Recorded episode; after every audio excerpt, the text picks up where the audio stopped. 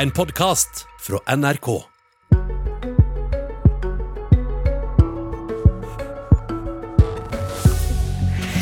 Først gjorde de tidenes dårligste valg. Så måtte partilederen trekke seg.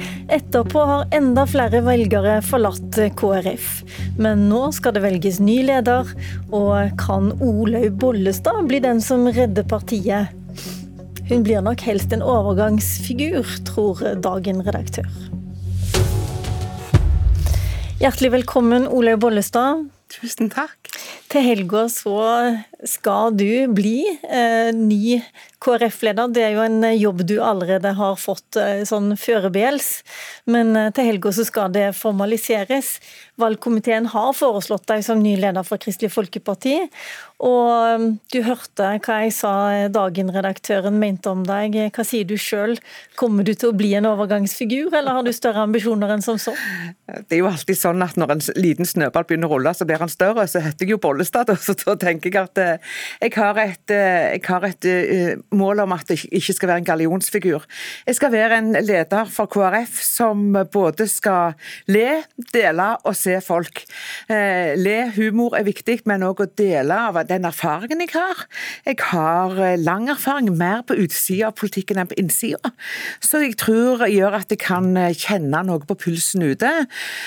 Og at jeg er opptatt av å se, for det er ikke jeg som skal bygge partiet, det er vi som skal bygge partiet. Da må jeg òg se de potensielle yngre kreftene som kommer og er med å bygge og lufte. Da mener jo jeg da at en god leder, den lar andre rundt seg vokse. Og det har jeg piska trø tenkt å gjøre. En god leder har gjerne langsiktige perspektiver òg. Du fylte 60 nå for kort tid siden. Gratulerer med det. Takk. Um, Fantastisk. Ja, så bra. Men har du sånn fireårsperspektiv? Åtte år? Jeg har ingen perspektiver i det. Jeg har ikke tenkt å gi meg helt ennå. For det er jo sånn at ting kan endre seg enten du er 40, eller du er 20, eller du er 60.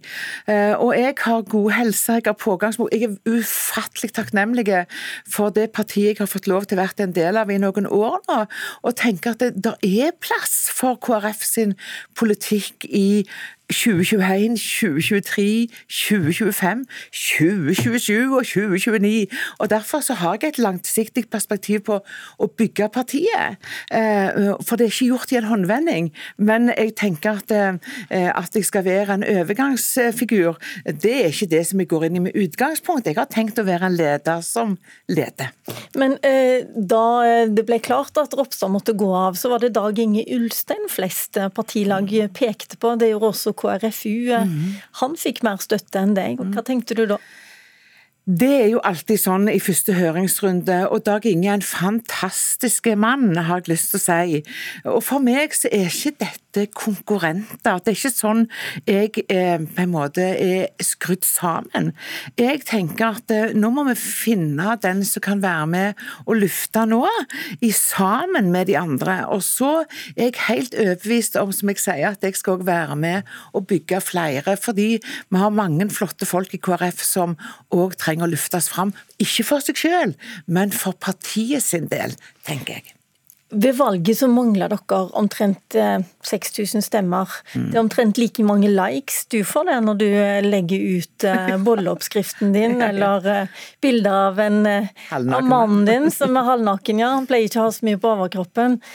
Hvorfor, eller Er det sånn du skal få velgere til KrF? Skal du få Instagram-følgerne dine til å bli mer politisk bevisst? Nei, jeg har ikke tenkt å bruke Instagrammen min på en annen måte enn den jeg gjør i dag. Dere kommer til å kjenne igjen Olaug både på Instagram eh, og den jeg er politisk og den jeg er som person eh, framover òg. Eh, det husker jeg så tilbake igjen. Jeg ble ordfører første gang, så, eller jeg har vært der en gang da, i to perioder, så, så vil folk ha meg til noe annet. Eh, men Olaug kommer til å være gjenkjennelig, og jeg kommer ikke til å bruke Instagrammen min til dette. Eh, det er min Er ikke det dumt? Du har over 100 000 følgere. Ja, men altså, jeg, eh, det ligger jo alltid noen verdier i det du gjør, fordi du har verdier med deg. Men jeg har ingen bevisste strategi for Instagram. Det er ingen av disse flotte rådgiverne som styrer den heller. Det er den eneste tingen jeg styrer selv. Og noe må jeg jo få styre sjøl, eh, og det kommer jeg til å gjøre fortsatt. Ok, La oss gå på de harde spørsmålene som alle KrF-ledere må forholde seg til. Er du klar? Ja, alltid klar. Vil du jobbe for å endre dagens abortlov, hvor kvinner har selvbestemmelse de første tolv ukene? Det er jo ikke den politiske situasjonen i hele tatt. Den situasjonen som nå er, det er om det skal være en utvidelse av abortloven eller ei. Og Det gjør at KrF har alltid vært opptatt av livsvern, og det kommer jeg òg til å være, men Du er på vei til å ikke svare på spørsmålet, jo, det er en veldig nei. dårlig egenskap som nei, partileder. Nei, nei, nei, jeg skal svare på spørsmålet. Skal det, kvinner ha selvbestemmelse de ja, første tolv ukene? Ja, ut ifra den situasjonen som er nå, så tenker KrF og jeg tenker at det, da må vi verne om dagens abortlov og ikke gå på en utvidelse. Verne om dagens abortlov. Ja. Mm. Mm. Det er nyttig for KrF? Nei, fordi at vi er ganske pragmatiske. Selv om vi ønsker å ha livsvern, eh, abortforebyggende tiltak som er viktig, så er det sånn at eh, den politiske situasjonen er jo ganske klar. Det er ikke et flertall for, for, noe av det. Og Da må vi være pragmatiske. Hva er, hva er situasjonen i Stortinget? Jo, situasjonen er at en ønsker å utvide. Og Da tenker KrF at da er den viktigste jobben for oss det å faktisk sikre at det ikke skjer. Det betyr å stille ta ring om den abortloven som nå ligger. Og Det betyr også at kvinner har selvbestemmelse? Det betyr at den abortloven som ligger, ligger. Mm. Mm. Eh, Knut Arild Hareide ville ta KrF til venstre. Ropstad tok partiet til høyre. Hvor vil du ta partiet? KrF er et sentrumsparti, kommer alltid til å være det. Det kommer jeg til å fortsette med. Vi kommer til å stemme for det vi er for, mot det vi er mot. Legge oss godt til rette som ei gul stripe i veien framover. Eh, ikke verken rødt eller blått, men gult, og det er hele laget. Ser du noe i dagens regjering som du kan tenke deg å stemme for? Ja, Det er alltid ting med fordeling som KrF er opptatt av. Og Nå har jeg ikke vært helt fornøyd med den fordelinga den nye regjeringa heller har gjort. For de tar faktisk av fra verdens fattigste for å betale eh, utslipp som vi gjør, som har den rikeste lommeboka.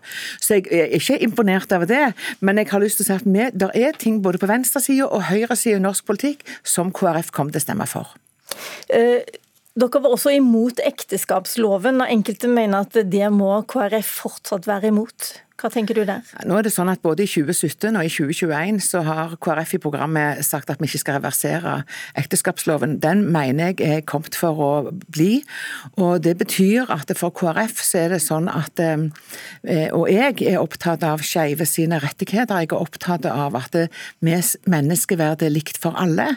Og vi skal bygge et samfunn som også har plass for alle. Politikk handler ikke om menighetsarbeid. En skal få lov i trosfriheten i ulike kirkesamfunn skal få lov til å mene det jeg er opptatt av, men vi som samfunn og KrF som politisk parti skal bygge et samfunn med plass for alle. Ok, Men da ligger altså abortloven fast og ekteskapsloven ligger fast. Betyr dette at du som ny KrF-leder kommer til å bredde ut partiet? Prøve å hente flere velgere enn det grunnfjellet man har fokusert på? Eh, jeg er, av, jeg er, opptatt av, at eh, folk, vanlige folk ute skal få lov til å kjenne at KrF har en politikk som treffer deg, enten de går i kirke eller ikke. Eh, vi har en politikk for familiene våre som både skal være treffsikker og moderne, og gjenkjennelige. Vi skal ha en politikk for de eldre, og vi skal stå opp for verdens fattige. Det finnes ikke en grense med svenskegrensa. Vi må lufte blikket både som land og som folk. Vi blir et fattig folk hvis vi ikke skjønner at vi også har et internasjonalt ansvar. Det kommer vi til å være gjenkjennelige på, men vi skal drive med politikkutvikling, sånn at vi til hver tid treffer det som er hverdagen og utfordringen, både til familiene og de eldre. Ok, Olaug Bollestad, hjertelig velkommen tilbake når du faktisk er valgt som eh, KrF-leder. Du er foreløpig konstituert, ja. men i hvert fall det skal skje på lands, ekstraordinært landsmøte på Lillestrøm til helga. Da vender jeg meg til deg, Vebjørn Selbekk, du er redaktør i Vårt Land. og Dette er en overgangsfigur, sa du til meg i går. Nå har du hørt på henne. Mener du fortsatt det? Ja, Først så må jeg si at jeg er redaktør i Dagen, da. Ja, Unnskyld! Eh, ja. ja. det er du. Absolutt. Ja, eh, nei, det var, det var, en del interessante ting her fra, fra Olaug Bollestad. Du siterte meg jo på dette med, med at hun er en overgangsfigur. og det det tror jeg at uh, hun er, uh, og det baserer jeg litt på alder, som det ble sagt her, men, men egentlig aller mest på den situasjonen som oppsto da man måtte velge ny leder etter Ropstad. Og det var jo Dag Inge Ulstein som hadde den aller største oppslutninga i partiet. Flere tunge fylkeslag. Kristelig Folkepartis Ungdom, som veier tungt her, gikk inn for han.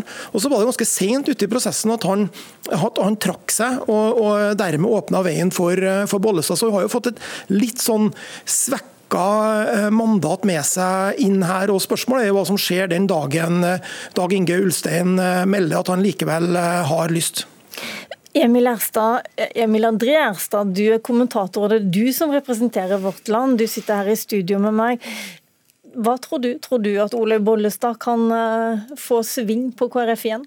Ja, jeg tror det. Og så tror jeg at det er mange som undervurderer Olaug Bollestad. Eh, og, og, det hører vi fra Selbekk her òg. Eh, jeg tror uh, i partiet så, så, denne høringsrunden så var det en litt rar høringsrunde. Fordi Ulstein fikk mye støtte, og så stiller han ikke opp.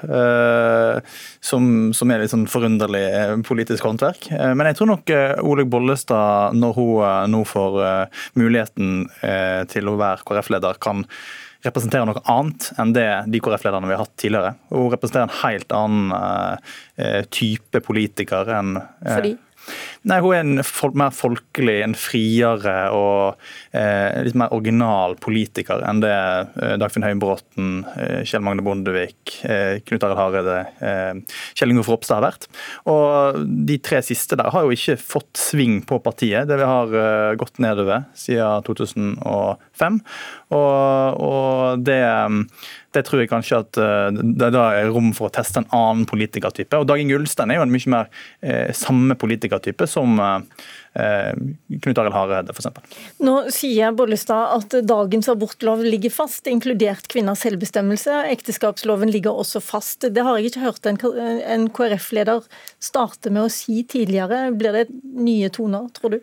Jeg tror det. Jeg tror eh, det vi hører fra Ole Bollestad tyder på at hun er i stand til å fornye partiet. Eh, og Ikke bare på de klassiske sakene du nevner der, men også i politikkutviklingen. Eh, for at vanlige folk skal oppleve at KrF har svar for, for deres liv. Ok, La meg spørre også tradisjonelt litt mer konservative Dagen, redaktør Vebjørn Selbekk.